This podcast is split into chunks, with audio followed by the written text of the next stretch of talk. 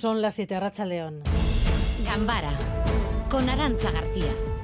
El juicio Bateragune no se repetirá. El Tribunal Constitucional cierra definitivamente la causa abierta por el ex juez Garzón en 2009, que ya costó al Estado la corrección de Estrasburgo por vulnerar el derecho a un juicio imparcial. El Supremo había pedido la repetición del juicio. El Constitucional le recuerda que se vulneraría un derecho fundamental, el de no ser juzgado dos veces por la, misma causa. David Beramendi. Sí, 15 años después, punto final al caso Bateragune, sin unanimidad, pero el Tribunal Constitucional estima el recurso de amparo de Arnaldo Otegui y rechaza repetir el juicio por este caso. Es decir, revoca la decisión del Supremo que sí ordenó repetir el juicio después de que el Tribunal Europeo de Derechos Humanos zanjara que la Audiencia Nacional no fue imparcial. El Constitucional explica ahora que un nuevo juicio violaría el principio que prohíbe juzgar dos veces por el mismo hecho y habla de gravamen desproporcionado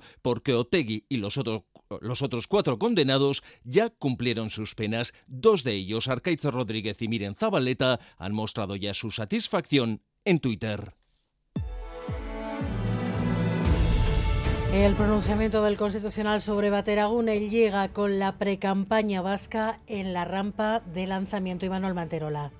Sí, todavía incompleta, pero la precampaña vasca comienza a sonar con una avanzadilla de uno de los temas clave, los pactos. Un juego abierto es como lo quiere ver EH Bildu, que plantea la posibilidad de acuerdos con el PNV, con el espacio del Carrequín, incluso el PSE, siguiendo la estela de Navarra. Los socialistas no se sienten interpelados e instan a EH Bildu a decidir si aceptarían el modelo navarro con Andueza como lendakari. Esto mientras los gelzales ultiman la proclamación de Pradales como candidato dentro de 10 días en Durango. El PP se apoyará en Feijo para la precampaña y como último ingrediente podemos sumar y su relación todavía en el aire. Y otra noticia de esta tarde, Navarra y el Estado han acordado el traspaso de tres nuevas competencias, las becas, las políticas de investigación que ya pactaron PNV y PSOE y el tramo navarro de la AP 68. Y atentos a este dato desasosegantes que nos ha dejado hoy la Erchancha. Solo en Vizcaya hay unas 15 bandas con entre 400 500 miembros. En el grupo en sí es donde tienen el poder. Estos se juntan fin de semana tras fin de semana para lo mismo. O sea, se desplazan a sitios precisamente para eso, para pegar. Ellos actúan 14, 15.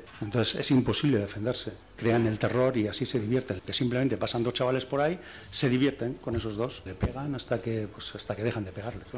Unas 15 bandas de este tipo que se juntan cada fin de semana en grupos de unos 15 para agredir y robar y que luego dejan todo grabado en las redes sociales. Primer día de huelga en la educación concertada de iniciativa social. Mañana volverá a haber paro. El consejero Bildarratz espera que las partes lleguen pronto a un acuerdo un solo día para el alumnado es terrible cuando las negociaciones, como ustedes saben, están abiertas. Con las Icastolas ya se ha conseguido un acuerdo y con las mismas condiciones los centros de iniciativa social no han conseguido ese acuerdo. La cumbre de Davos reúne dos de los discursos que describen el hoy por hoy de la pugna política que va a decidir los gobiernos de medio mundo este año superelectoral. Javier Milei versus Pedro Sánchez. Occidente está en peligro. No cedan al avance del Estado. El Estado no es la solución.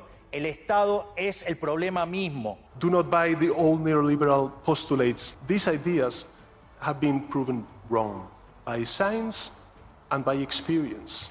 Y además estamos en alerta naranja por viento hasta mañana a las 9 de la mañana, viento del sur, que ha subido los termómetros hasta los 19 grados esta tarde y que ha obligado también a cancelar algunos vuelos en Loyola. Gary Suárez. A esta hora son dos vuelos cancelados para las próximas horas, el que partía a las 8 menos cuarto hacia Barcelona y el proveniente de esa misma ciudad de Barcelona, que iba a llegar al hoyo a las 11 menos 5 de la noche. También se están dando algunos retrasos leves en varias salidas. Además, otros seis vuelos, estos por la tormenta en Alemania, también han sido cancelados. La próxima de la borrasca Irene que afecta a Euskadi. De momento, las mayores velocidades se han registrado en Machichaco con 115 km por hora, en el Valle de Carranza con 113 o en Punta Galea con 104 km por hora. En Vizcaya, los bomberos han realizado siete intervenciones sin gravedad, tres por árboles caídos y cuatro por saneado de construcciones. Y en carreteras, eh, problemas hasta ahora en Guipúzcoa, en la Guipúzcoa 636, en la confluencia de la bajada de Gainchurisqueta con la salida de la autopista sentido Francia. Allí hay dos kilómetros de retenciones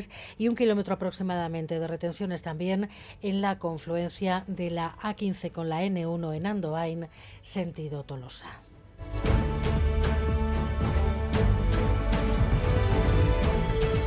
Ayer tocó en Bilbao, hoy el derby de la Copa se decide en Iruña pues esperamos saber de cuánto vamos a ganar. Será complicado, pero intentaremos, intentaremos ganar. Siempre es un, rival muy complicado, la Real, pero bueno, yo creo que se puede hacer algo hoy muy, muy bueno y se va a pelear. La Real eh, anda mucho mejor que nosotros, pero ahora está con alguna baja. El factor campo apoya y yo, yo creo que puede ser. Y eso que la gente está negativa, pero yo, yo pienso que van a ganar. Yo pienso que nos van a dar ese alegrón. Yo fui a Sevilla, perdimos, pero no pasa nada y se volverá a intentar a ver si se puede llegar otra vez a la final. Las ganas y la ilusión siempre están. Y son partidos bonitos que da gusto. Bueno, ganas e ilusión por parte de las dos aficiones, partidos bonitos, nos decían. Esperemos que quede gusto, Edu García, Racha León. Racha León, lo que seguro es que el Sadar va a estar lleno a reventar. Ayer ya se habían retirado más de 21.000 entradas, con lo cual está garantizada eh, prácticamente la totalidad del aforo cubierto para un partido que va a arrancar a las 9 y que mide a dos equipos, digamos, no en su mejor momento. Ayer hablábamos de Atlético y Alavés, dos equipos en buena línea. Pasa un poco lo contrario con Osasuna y Real, ¿no? El equipo navarro viene de, caer en la Supercopa, en las semis ante el Barcelona. Tampoco en Liga está especialmente fino y más en su campo, en Sadar, donde le está costando ganar. Y la Real, que hacía mucho que no perdía, cayó en el derbi ante el Athletic, pero las sensaciones de este último mes y medio de competición tampoco han sido las mejores. Así que es un partido muy importante para ambos conjuntos que buscan reafirmarse, que buscan recuperar esas sensaciones y sobre todo estar en los cuartos de final del torneo de Copa. Desde las 9 menos cuartos estaremos aquí en directo en Quirol Festa, pendientes de este partido.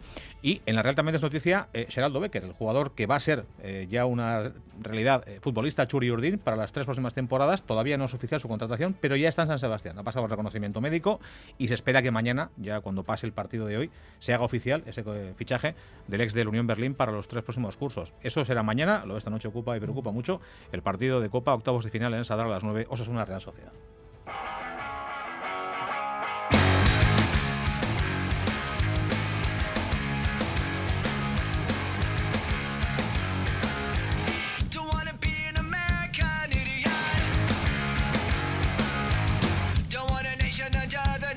Xavier Madariaga, ir en el metro y descubrir que lo que parece un grupo callejero son... Imaginaos sin haber levantado la pestaña del todo, camino al trabajo, en metro, y en la parada te encuentras con esto.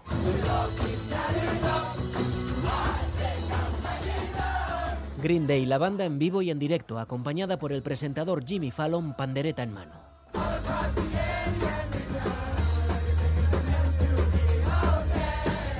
Subidón para empezar el día. Bueno, pues en el metro de Nueva York, esto solo pasa allí, ha habido unos afortunados que han arrancado así la jornada. Green Day apareció sin previo aviso en la parada del Rockefeller Center. La banda está en Nueva York para presentar nuevo álbum y lo hace coincidir con los 30 años del lanzamiento de uno de sus discos más icónicos. Todo un evento al que quieren acompañar de sorpresas como esta del metro de Nueva York. Miguel Ortiz y Alberto Zubel ya están en la dirección técnica, Cristina Vázquez en la producción.